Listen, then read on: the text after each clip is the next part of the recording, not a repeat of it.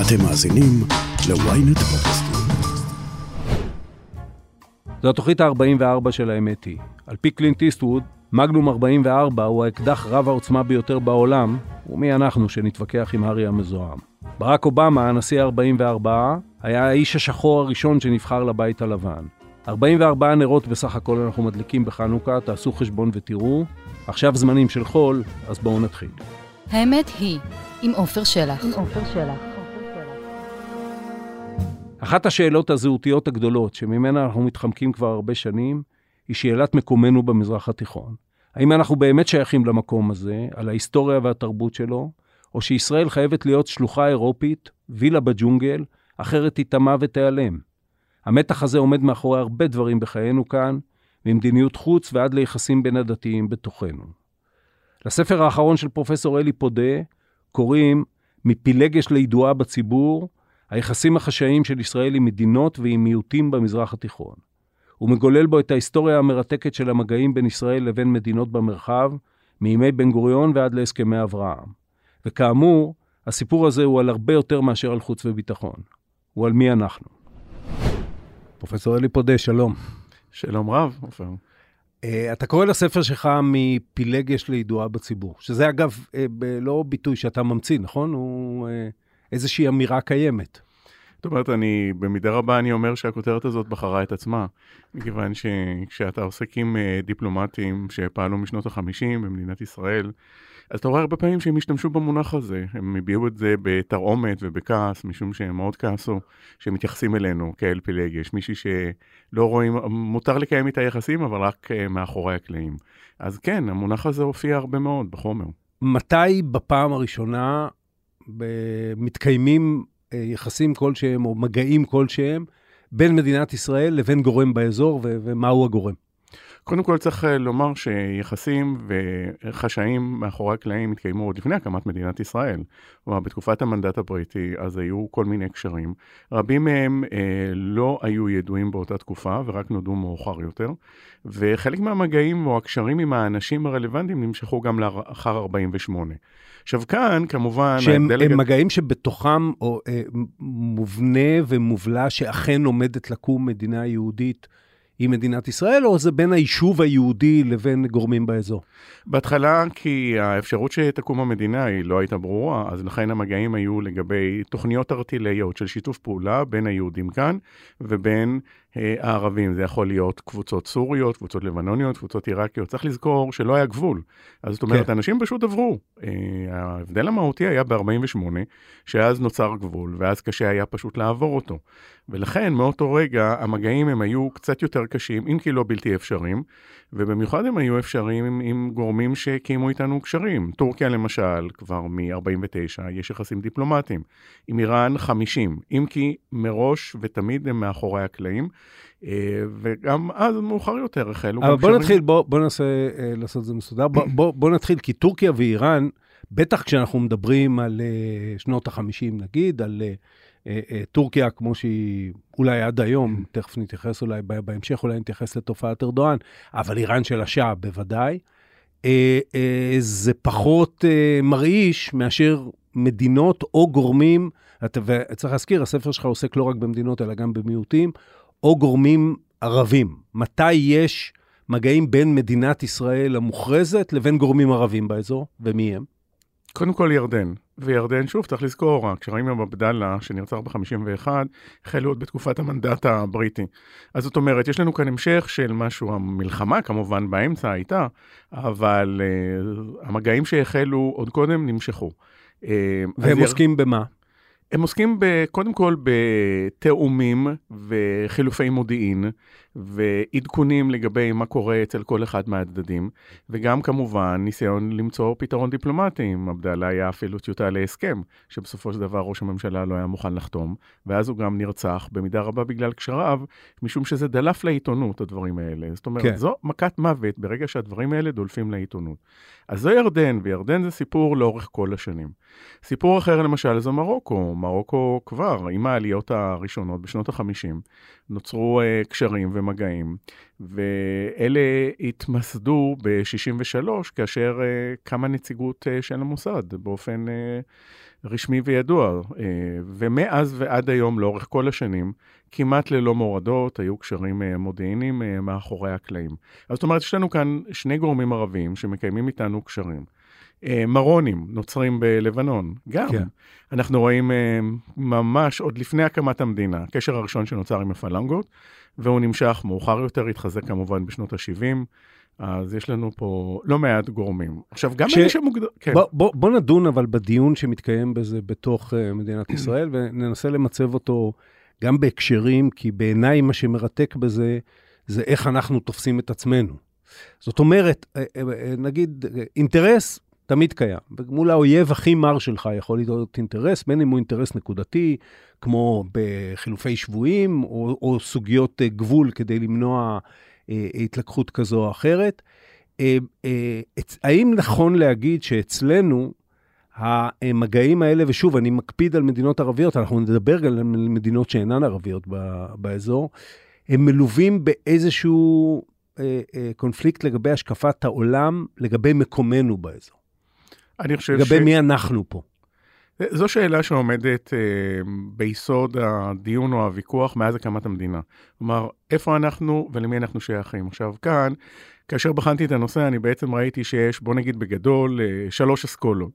אסכולה אחת, שהיא הייתה לאורך השנים היותר דומיננטית והוביל אותה בן גוריון, זו אסכולה מערבית. כלומר, אנחנו חלק מהמערב, ולצורך העניין, אנחנו גיאוגרפית פה במזרח התיכון, אבל הם לא רוצים אותנו ממילא, וגם זה לא המקום המועדף עלינו. זה לא רק שהם לא רוצים אותנו, זה, אני, אני מכיר היטב את המסמך שבן גוריון, מה שנקרא מסמך תפיסת הביטחון שבן גוריון מציג לממשלה ב-53, והוא מציג שם, לא במילים מפורשות כמו שאני אומר, אבל את יתרוננו, יתרוננו האיכותי על פני הערבים, כתשובה שלנו ליתרון הכמותי שלהם, ובמובלע את יתרוננו האיכותי, זה גם אומר שאנחנו לא כמוהם. זאת אומרת, יש פה איזה משהו כמעט תרבותי של אה, אה, אם אנחנו, אני, אני עכשיו אולי עושה עוול גדול, תגיד לי, אם אנחנו נהיה כמוהם ונהיה במרחב, יכול להיות שזה אפילו מסכן אותנו. זה נכון לא, אתה, אתה, אתה, אתה צודק לגמרי, מכיוון שהאסכולה המערבית באופן כללי גם הסתכלה מלמעלה על הערבים ועל המוסלמים באופן כללי.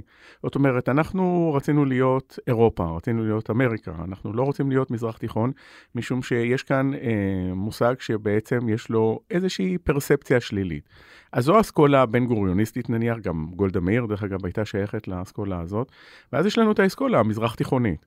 נניח זה יותר ויצמן, וזה כמובן הבולט ביותר זה משה שרת.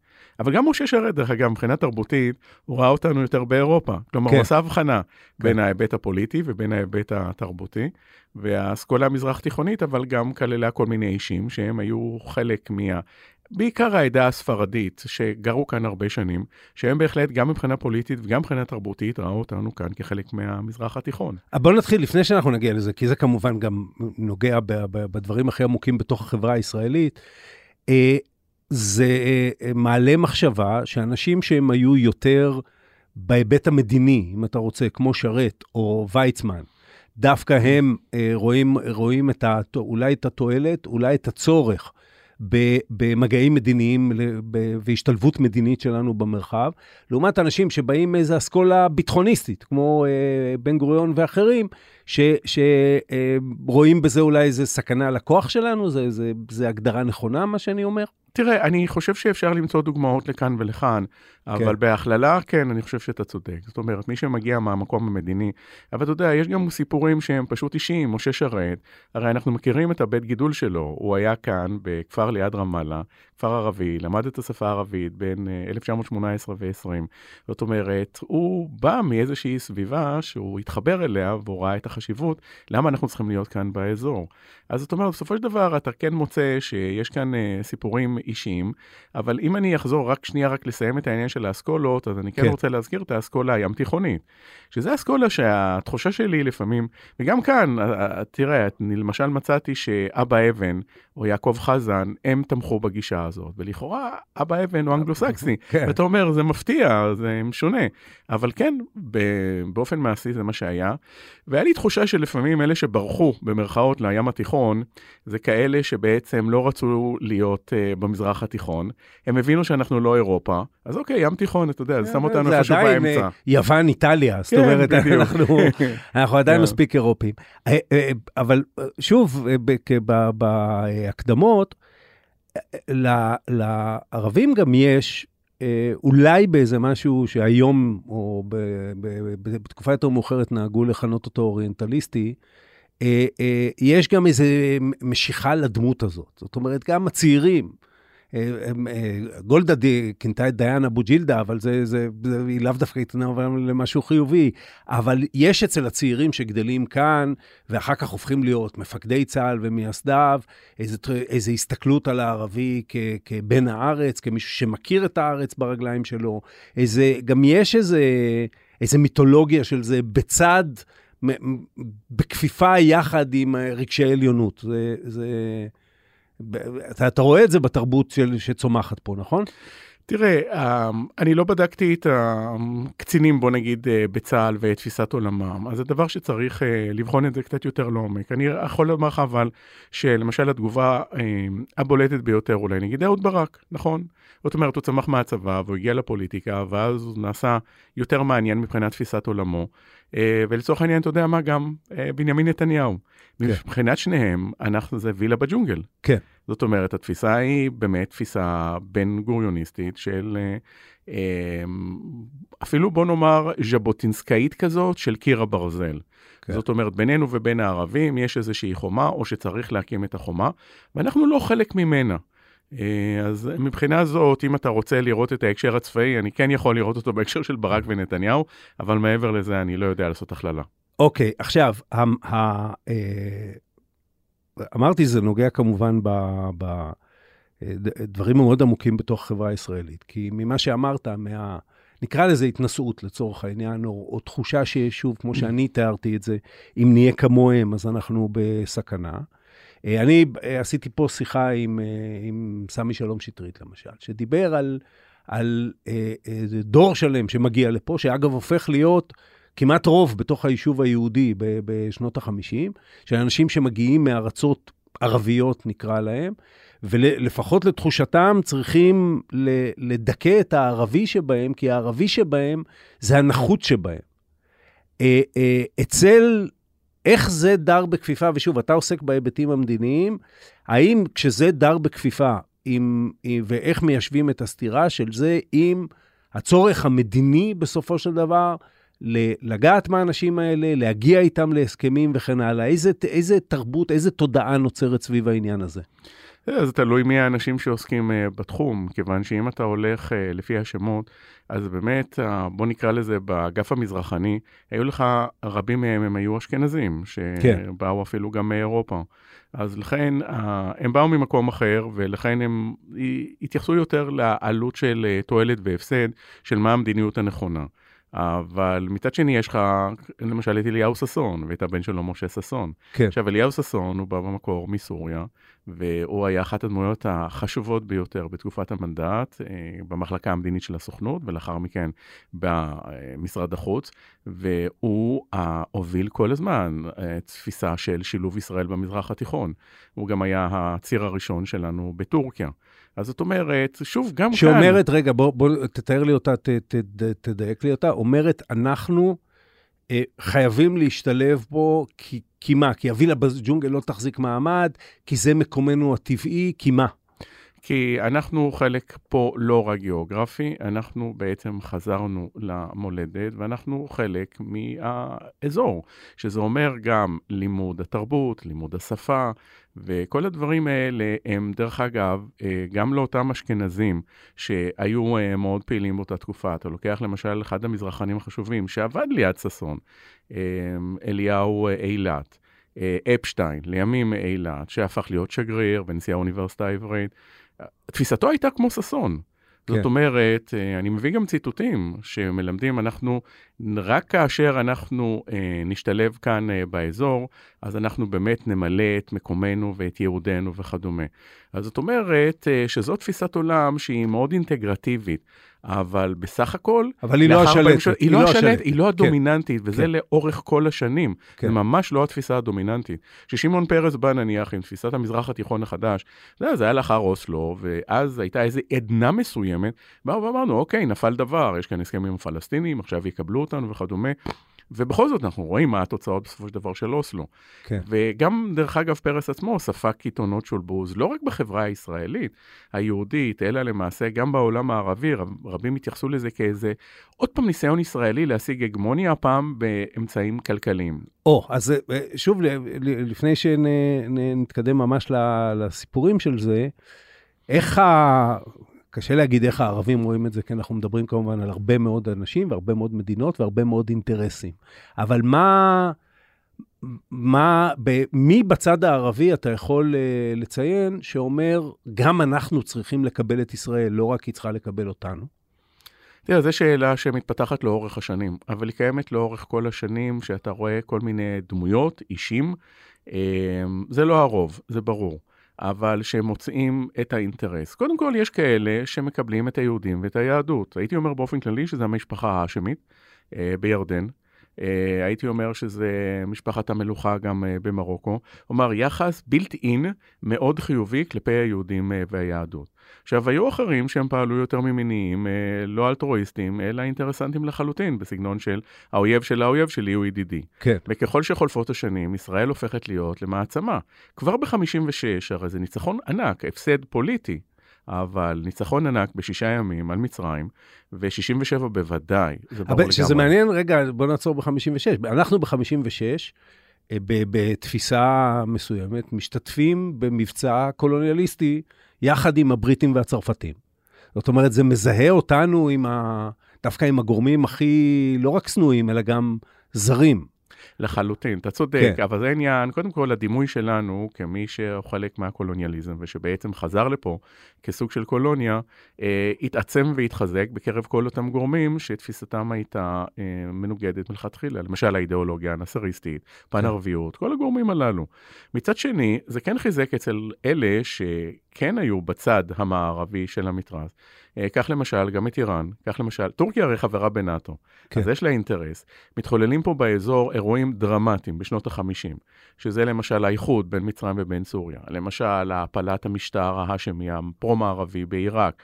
אנחנו כבר שכחנו את הדברים יש האלה. יש גם הפיכה באיראן, אגב, שה-CIA אה, כן. מניע אותה. אבל זה בכיוון כן. אחר, זאת כן. אומרת, אבל ברגע שזה מסתיים ב-53, והשאה בעצם חוזר למקומו ומבצר את מקומו, ומאוחר יותר גם הוקם הסב"כ, המודיעין האיראני, אז למעשה איראן נמצאת אה, בצד שלנו, כן. והיא מחפשת אותנו, כך שהשיתוף הפעולה עם האימפריאליזם מבחינתה, אה, זה לא דבר רע.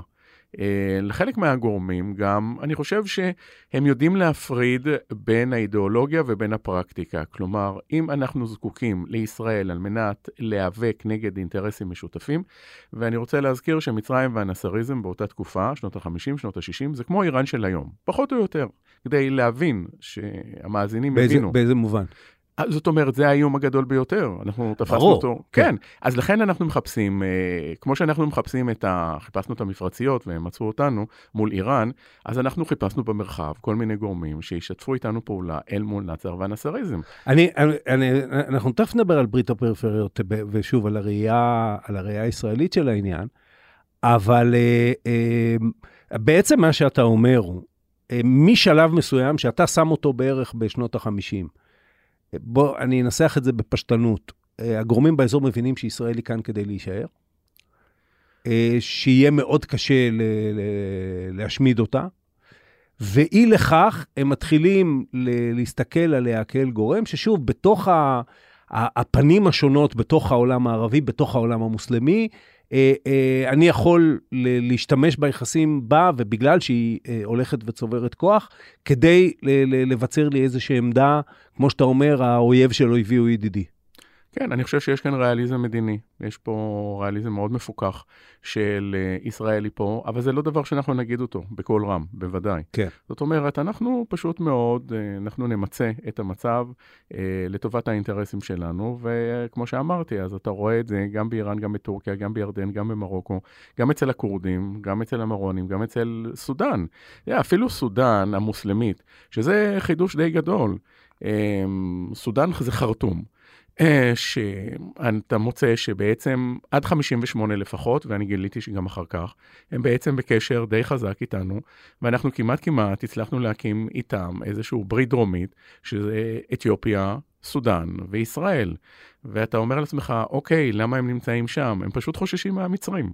הם חוששים להיבלע מהלאומיות הערבית. ובצד זה נבנית או מתחזקת המיתולוגיה או האמת שאומרת, ישראל היא גם השער לוושינגטון. זאת אומרת, בכל, בתוך כל תהפוכה פנימית שאנחנו עוברים, ואני מזכיר, אנחנו מדברים על עולם של מלחמה קרה, שיש לו שני כתבים, אה, נקרא לזה מוסקבה וושינגטון לצורך העניין, ישראל יכולה לעזור לי גם בזה, נכון? עופר, זה אחד הדברים המרכזיים ביותר בכל הסיפור של החיפוש אחר ישראל. כי אתה מנסה, אה, בדקתי, ואז אני נותן כמה סיבות למה מחפשים אותנו. אז נניח נשק, נניח תחמושת, נניח מודיעין, נניח סיוע אזרחי, אתה יודע, כמו חקלאות, כמו התפלה, מאוחר יותר סייבר. ופתאום אתה רואה שהעניין הזה שישראל כמגשרת לארה"ב, זה פשוט עובר כחוט השני בכל הסיפורים. וזה משלב מאוד מוקדם. זאת אומרת, אנחנו, תפיסת העולם, שהיהודים הם חזקים בעולם, והלובי היהודי הוא כל יכול, ולכן אנחנו צריכים את היהודים. עכשיו, זה בכלל לא קשור לשאלה מה באמת מידת חוזקנו בוושינגטון. כן. זה הכל מתחיל ונגמר בדימוי. וכאן אני גם בספר משתמש בציטטה מאוד יפה של uh, תמיר פרדו, ראש המוסד לשעבר, שאומר לי, מה אלי, הפרוטוקולים של זקני ציון עובדים. כן. זאת אומרת, הוא אמר את זה, אתה הוא יודע, לא אמר באירוניה. שהם נכונים, הוא אמר שהם עובדים. בדיוק, הם עובדים. כן. הוא אומר, כן, אנחנו, ואנחנו מנצלים את זה.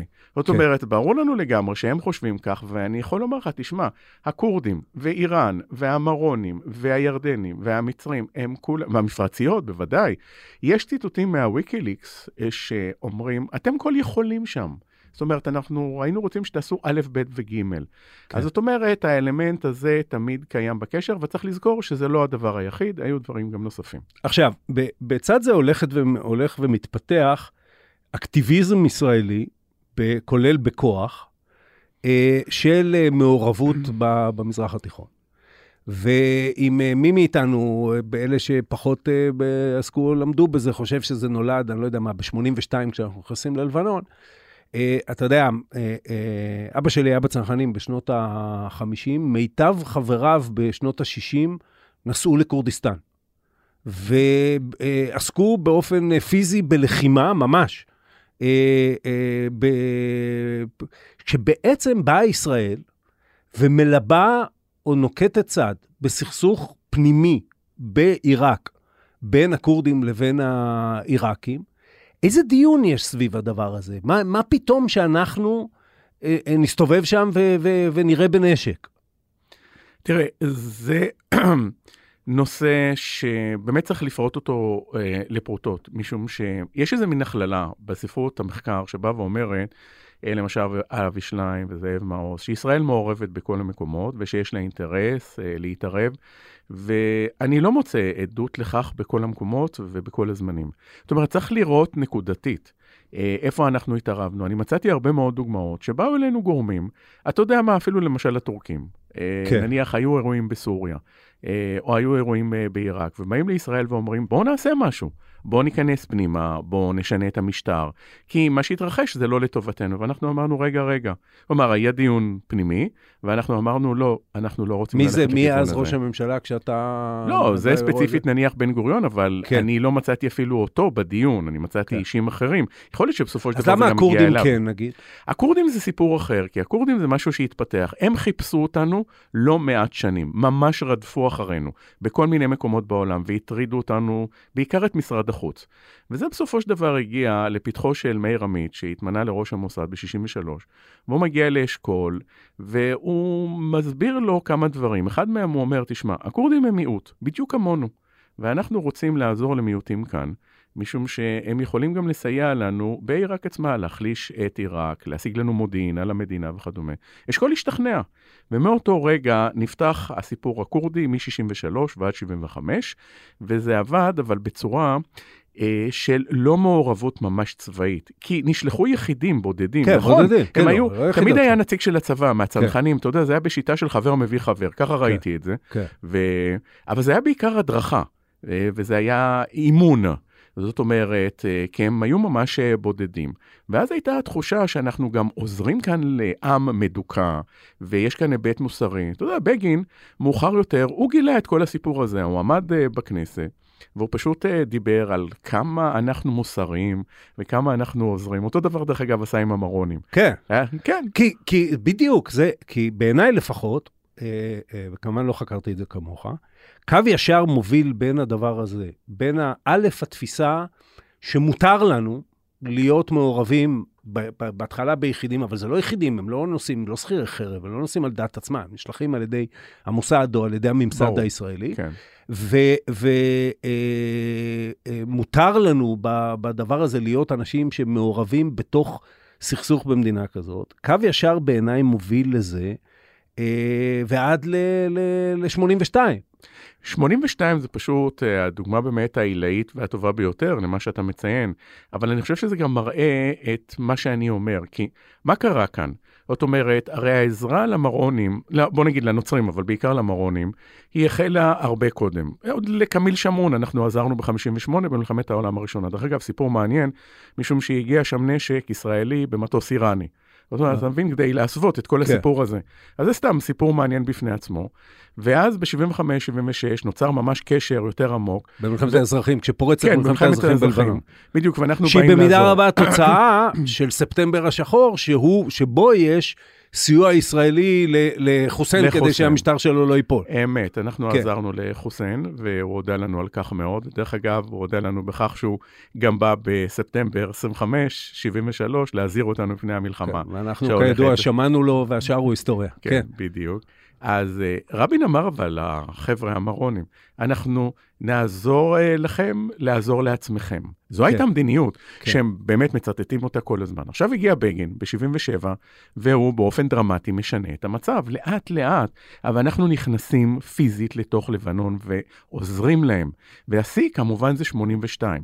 אז יש כאן בכל זאת איזשהו שינוי במדיניות הישראלית. זה לא שאתה רואה, אתה יודע, לאורך כל השנים אנחנו רואים איזשהו משהו שהוא אקטיבי, שמכניסים כוחות לתוך המדינות השכנות. כן, יש מעורבות. אבל המעורבות הזאת היא הרבה פעמים היא יותר עקיפה, היא בצורה של לא הכנסת כוחות, אלא סיוע, כמו גם עם הכורדים, לסייע להם, לסייע לעצמם. היי, אני יובל מן. ואני אושרית גנאל. בעולם הטכנולוגי של היום צריך שמישהו יעשה קצת סדר. הצטרפו אלינו לרפרש, פודקאסט הטכנולוגיה של ynet. בכל שבוע נדבר על מה שחדש ומעניין בעולם הדיגיטלי. רשתות חברתיות, גאדג'טים, המצאות חדשות, וגם הפוליטיקה של חברות הענק. חפשו רפרש בוויינט או באפליקציית הפודקאסטים שלכם.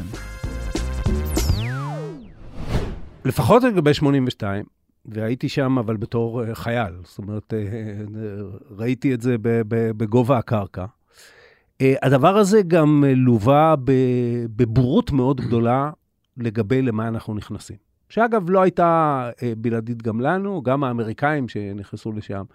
ואנחנו ב-82, בראייה פשטנית של העניין, נכנסים לתוך סיטואציה שהיא הרבה יותר דומה למלחמות המאפיה בניו יורק, ו- וחושבים שאנחנו נסדר אותה אם אנחנו ניקח uh, פלג uh, כלשהו ונגרום לזה שבפרלמנט יצביעו ויהפכו אותו, ל- את הנציג שלו לנשיא, וכשהנשיא הראשון נרצח אז זה הנשיא השני, ומגיע אפילו להסכם שלום. לא הרבה אנשים היום עוד זוכרים, יש הסכם חתום בין ישראל לבין uh, לבנון מ-83. כי, אז אני אשאל אותך, האם בצד התפיסה הזאת גם מתפתח איזשהו גוף של ידע, גם מתפתח איזושהי, שוב, איזה דיון שהוא טיפה יותר עמוק, שיאפשר לנו לקבל החלטות יותר טובות. אתה מדבר מאז ועד היום? לא, לאורך השנים. לאורך השנים אני חושב שזה היה מאבק כוחות אה, בין המוסדות השונים.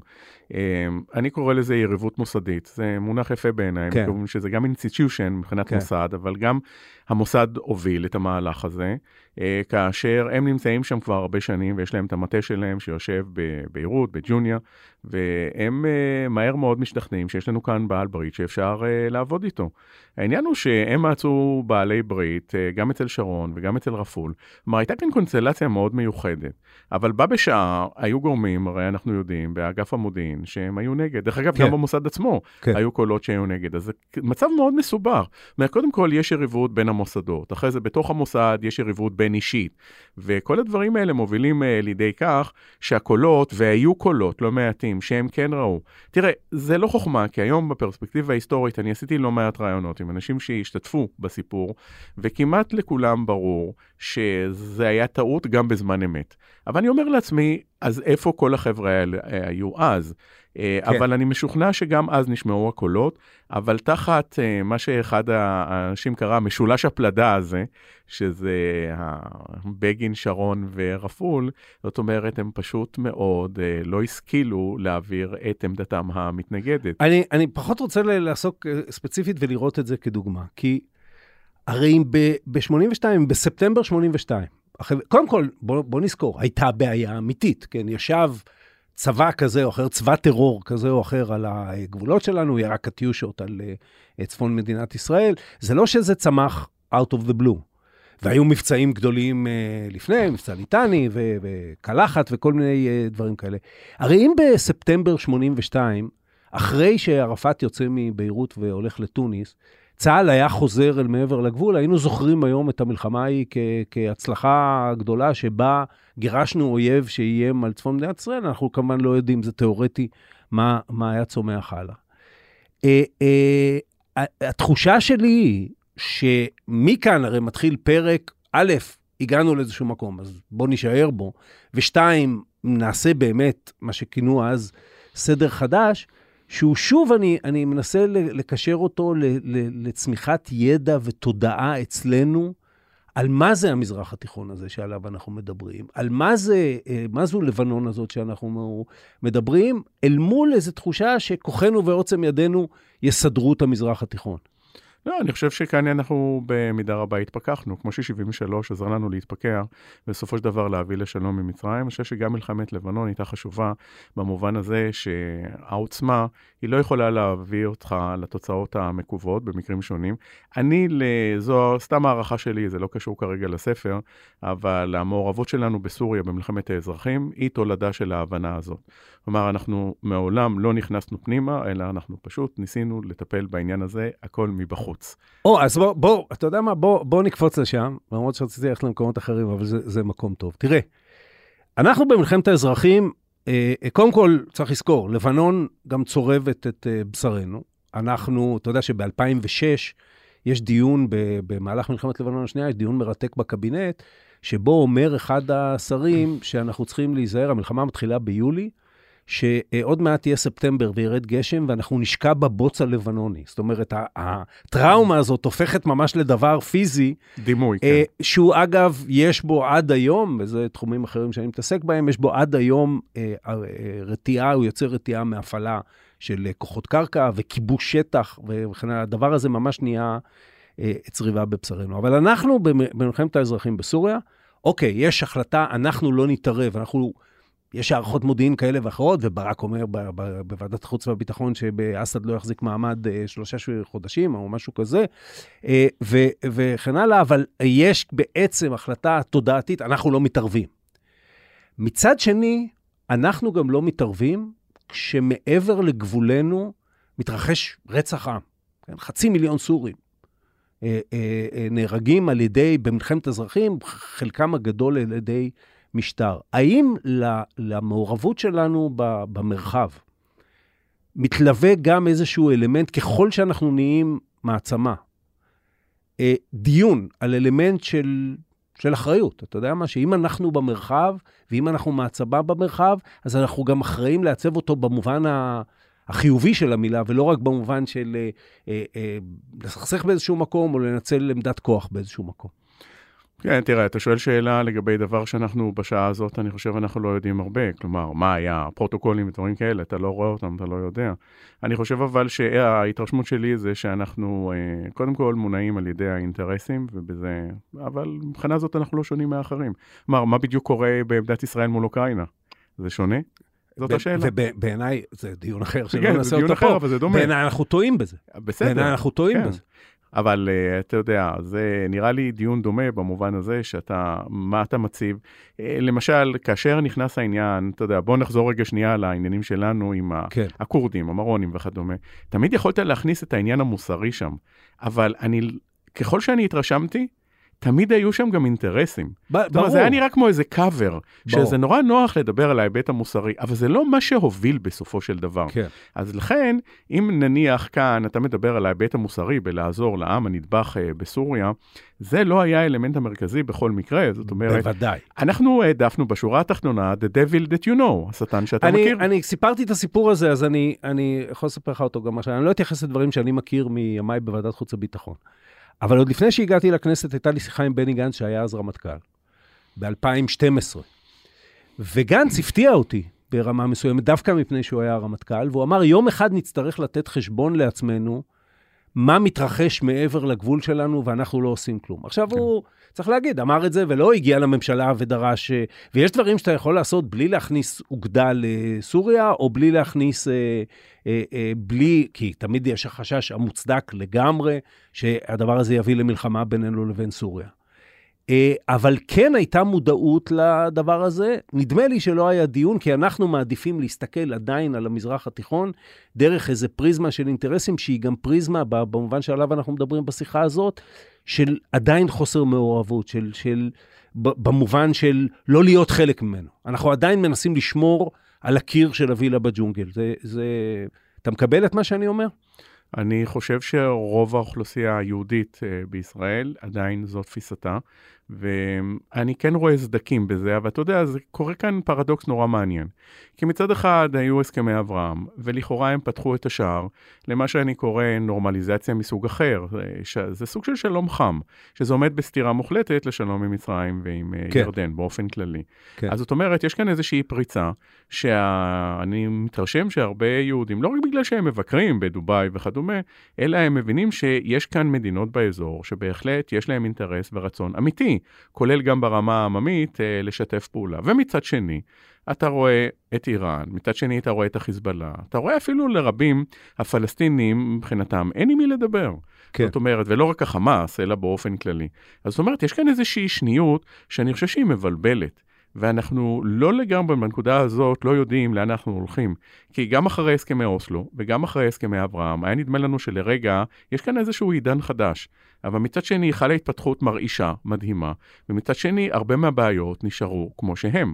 יש כאן איזשהו פיל גדול בחדר, וזה הפיל הפלסטיני, ואנחנו פשוט לא מתמודדים איתו. להפך, כי אה, הסכמי אברהם, ובואו באמת נגיע אליהם לקראת סיום, מצד אחד אין ספק, הם, אה, הם פריצת דרך, לא רק בהיבט של אה, יחסים עם מדינות ערביות ו- ונורמליזציה, כמו שאתה אומר, שלום חם, נורמליזציה אמיתית של אה, יחסים.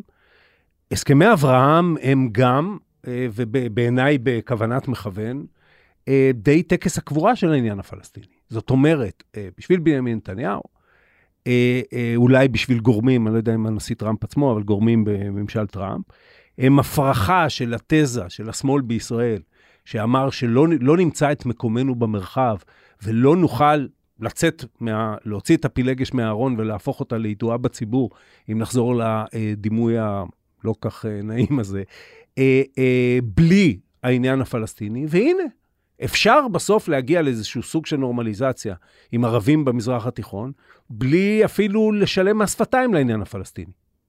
לכאורה. זאת אומרת, אה, שוב, בואו רגע נעמיד את הדברים על דיוקם. אנחנו מדברים אה, כרגע על מדינות שנמצאות אה, בפריפריה המזרח-תיכונית, כאלה שלא היו במצב של מלחמה עם ישראל. כן. ועדיין יש כאן לא מעט מדינות וגורמים שנעצרו בדרך, הם לא הלכו, לא המשיכו. למשל סעודיה, היא, לדעתי, היא בעצם לב העניין. כלומר, אם נניח ייפול דבר ואולי יורש העצר, אתה יודע שהוא יתמנה למלך, הוא יעשה מהלך מול ישראל, אני אומר, באמת חל פה שינוי דרמטי בלתי הפיך.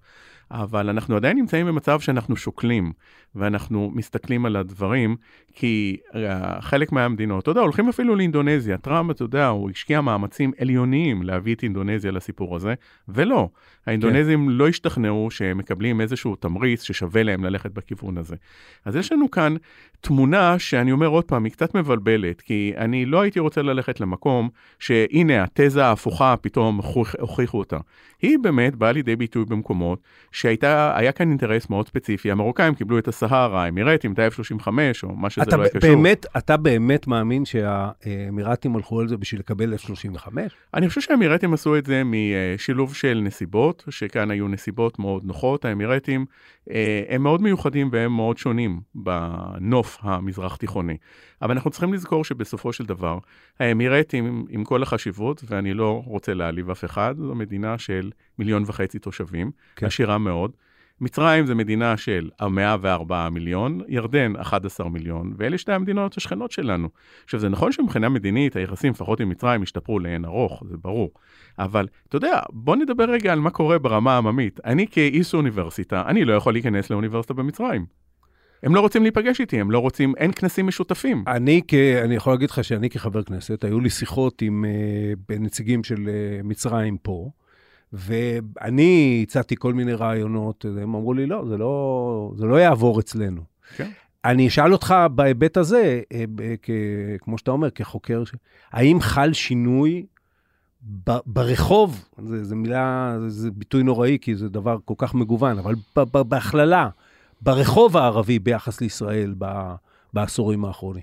התשובה שלי בהחלט כן. אני חושב שהתשובה היא חד משמעית, זאת אומרת, מבלי, כי יש לנו בעיה עם סקרים, אתה יודע, כי הרבה פעמים כשאתה מסתכל על הסקרים, אז יש שם דימויים מאוד שליליים של ישראל וכולי. אבל אני עוקב אחרי העיתונות, ואני מסתכל, והמפרצית במיוחד, אתה רואה אה, שיח שהוא שונה והוא אחר.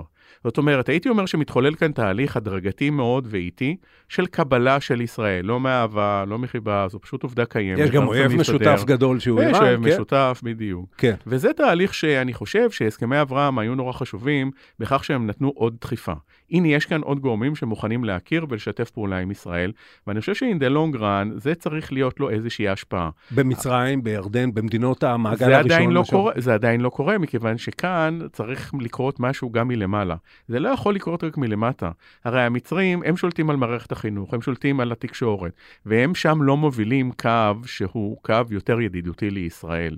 וכל עוד זה לא קורה, אז אני חושב... אבל זה ביצה ותרנגולת. הרי, הרי זה ידוע, אני לא מגלה פה שום סוד, שברמה המודיעינית ואפילו המבצעית, יש, נגיד, ביחס לדאעש בסיני, יש אה, אה, שיתוף פעולה גדול בין ישראל אה, כן, לבין מצרים. זה נכון.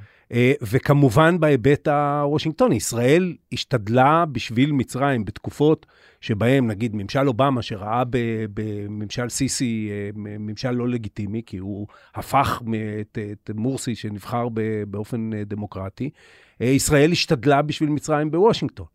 אני מניח שהסיבה שהממשל המצרי לא הופך את זה לאיזושהי פעולה מהסוג שאתה מדבר עליה, זה שהוא מסתכל טוב על הרחוב שלו והוא מכיר אותו טוב, אה, אה, בוודאי ממני, אבל גם ממך, ואומר, זה לא יכול לעבור שם, אני מסתכן אם אני עושה את זה. זה נכון מה שאתה אומר, אבל אני חושב שגם יש לו תפקיד. זאת אומרת, הוא יכול היה להוביל מהלך אחר. זאת אומרת, בשקלולי ה...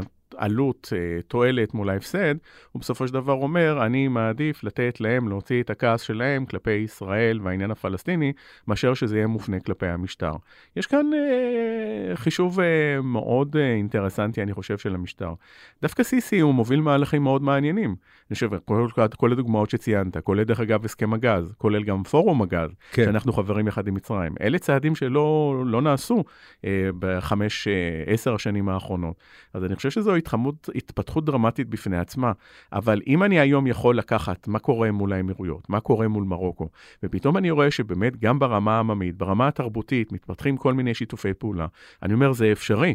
זאת אומרת, כאן צריך להוביל משהו שהוא גם מלמעלה. וכל עוד זה לא קורה, אז אני חושב שאנחנו כאן נמצאים במצב אמביוולנטי, שלאין, ארוך, הוא טוב לאין ארוך מאיפה שהיינו לפני כך וכך שנים. כן. זאת אומרת, אנחנו נמצאים במצב שאנחנו משפרים את מקומנו, שלא יהיה לאף אחד אשליות, זאת אומרת, למרות איראן, למרות החיזבאללה, למרות החמאס, מצבנו במזרח התיכון, מבחינה צבאית בוודאי, אבל גם מבחינה מדינית, הוא טוב לאין ארוך. אבל אנחנו עדיין רחוקים מהמקום שאליו אנחנו שואפים. כן. זאת אומרת, ודבר זה תלוי בראש ובראשונה בעניין הפלסטיני, ואני חושב שההתעלמות הזאת, in the long run, היא לא תעבוד לטובתנו. כן, אתה יודע, יש גם את הבעיה הפלסטינית בלי קשר לעולם הערבי, שאותה כדאי, ש... כדאי שנתעסק איתה. אני אשאל אותך ש... שאלה אחרונה שהיא שוב נוגעת אלינו. בתוך כל זה, לא לומדים ערבית בבתי הספר, היא לא שפת חובה. ב... אני לא יודע ערבית, ואני חושב שזה בושה, אבל אני כנראה כבר אה, קשיש מדי מכדי ללמוד. אה, אה, אני חושב שבהרבה מובנים, אני לא יודע להגיד, זה לא, לאו דווקא באיזה אופן של ניתוח אינטלקטואלי, אבל ברגש, יש התרחקות, דווקא התרחקות מהעולם הערבי, מהערביות, ובוודאי גם רגשות אה, אה, שנאה הרבה יותר גדולים. אני אשאל אותך לנוכח זה, איפה אתה, בראייתך, כמי שחוקר את הישראלי שחוקר את המזרח התיכון, איפה היית רוצה, איך אתה היית רוצה שנתייחס למזרח התיכון, שוב, בכתבי הווילה בג'ונגל אל מול אה, השתלבות במרחב, ומה צריך לעשות בשביל זה? אני חושב שאנחנו צריכים לראות קודם כל את עצמנו כחלק מהמרחב. זאת אומרת, זה המצב. עכשיו, אני חושב שצריך לחלק את זה לשלושה היבטים. יש את ההיבט הפוליטי, ההיבט הכלכלי וההיבט התרבותי. ואני חושב שכל אחד צריך להחליט בעצמו איפה הוא מוצא את עצמו. מבחינה פוליטית, אין לי ספק שאנחנו כאן שחקן, ודרך אגב, אני מוכיח גם בספר, שישראל מראשית הקמתה שיחקה כאן כל מיני תפקידים. כן. אתה יודע, היא הזנה כל מיני דברים, היא גרמה לפירוד בעולם הערבי, גרמה לאיכות בעולם הערבי, כל מיני דברים ישראל כאן עשתה. כך שאנחנו צריכים להכיר שאנחנו חלק מהפוליטיקה, ואז המשמעות היא שאנחנו צריכים לנקוט באלף, בית, גימל וכדומה, בכל מקרה ומקרה. מבחינה כלכלית, אנחנו כבר עושים לא מעט. היחסים עם טורקיה, למרות המצב, הם די מדהימים. 4-5 כן. מיליארד דולר כל שנה, וואו. אה, ועם מצרים מעט מאוד. אה, הגז כמובן משנה את התמונה, אבל אם כן. אתה מסתכל על הסחר, עם ירדן, מעט מאוד, יחסית. שאגב, תמיד גם היה, או לפחות אה, אה, השתקף, שלהם יש חשש, בצד השני יש חשש, של, אה, של, ב, מהעוצמה הזאת שלנו, שאנחנו נשתלט באיזושהי דרך, ש, שהיחסים הכלכליים, למשל, הם אף פעם לא יהיו שווים, ולכן ככל שהם יהיו, אנחנו מהווים איזו סכנה להם. אה, אה, ולא רווח. זה, זה, זה נכון מה שאני אומר? זה נכון, כי זו הייתה התגובה בזמנו לחזון המזרח התיכון החדש של פרס. זאת כן. אומרת, זו הייתה הסיבה להתנגדות, אבל מאז עברו כבר אה, הרבה אה, אירועים, ואני חושב שיש רבים שמבינים את ה... התועלת הכלכלית, הרי מה צמח בינינו ובין המפרץ בתקופה שלפני השלום? היה כאן סדר גודל של שיתוף פעולה של מאות מיליונים של דולרים, כן. והכל היה בחשאי, כלומר, יש לנו לא מעט גורמים שמבינים את התועלת, הרי יש לנו המון דברים שאנחנו יכולים לסייע להם, אז כן. אנחנו עושים. אז פשוט אתה, הדבר הזה הוא קיים והוא יותר תלוי של היכולת הכלכלית. אז למשל עם מצרים, אין לנו כל כך הרבה מה לשתף פעולה בתכלס, גם שוק יחסית עני. כן. מצד שני, המפרציות, האפשרויות הן הרבה יותר גדולות. זאת אומרת, מבחינה כלכלית אנחנו יכולים למלא כאן תפקיד מסוים, ותרבותית, לי... אנחנו אל מול עצמנו. כן, לא, איפה, אבל... אנחנו, איפה אתה רוצה שאנחנו נהיה בראייה שלנו, שוב, בסקאלה שבין... הווילה בג'ונגל לבין אה, ההשתלבות במרחב, איפה נכון לנו להיות ומה אנחנו צריכים לעשות בשביל. אני חושב שבסופו של דבר אנחנו, בהתאם לסקרים של מתווים, אנחנו גילינו שאתה שואל את הישראלים, איפה ישראל, אז זה בעצם היה משהו כמו שליש, שליש, שליש. אתה יודע, חושבים מזרח תיכון, חושבים יותר אירופה, או חושבים יותר ים תיכון. אני חושב שאנחנו מבחינה זהותית, אנחנו שייכים לכל המקומות האלה. ולכן אנחנו צריכים לעשות קודם כל את הדיון בינינו, אבל דבר שני, אנחנו צריכים להבין שאנחנו נמצאים בשלושת המקומות האלה, ואנחנו עושים איזשהו שילוב. כן, אנחנו גם חלק מהמזרח התיכון. תגיד לי, עופר, מה מבחינת המוזיקה? מה מבחינת אה, אוכל? אין, איפה אנחנו נמצאים? ברור, נכון? אנחנו כן. במזרח התיכון לגמרי. כן. מצד שני, אנחנו משחקים כדורסל, איפה? באירופה, כדורגל באירופה. כלומר, ויש איזה מין שניות בהכרח, משום שזה מה שקרה. להפסיד ל- לאוסטרים או לאנגלים זה לא בושה. כשנתחיל להפסיד במזרח התיכון, זה יהיה רע מאוד. להלי או למצרים. זה יש להם. יופי של קבוצה. תשמע, אנחנו צריכים לשחק. אתה יודע שבעבר, בתקופת המנ- המנדט, שיחקנו נגד כן. המצרים. גם משחקנו נגד המשטרה הבריטית, גם זה לא יחזור. פרופסור אלי פודה, תודה רבה. תודה רבה לך. עד כאן עוד פרק של האמת היא. אתם מוזמנים לעקוב אחרינו בוויינט או באפליקציית הפודקאסטים המועדפת עליכם. אם זה קורה באפל או בספוטיפיי, אתם מוזמנים גם לדרג אותנו. אל תתביישו לכתוב לי בקבוצת הפייסבוק פודקאסט להמונים. ואם אהבתם, לא נתנגד שתשלחו את הפרק לחברים. העורך שלנו הוא רון טוביה, הפקה ערן רחמני, על הסאונד גיא סלם. אני עופר שלח, נשתמע בפעם הבאה.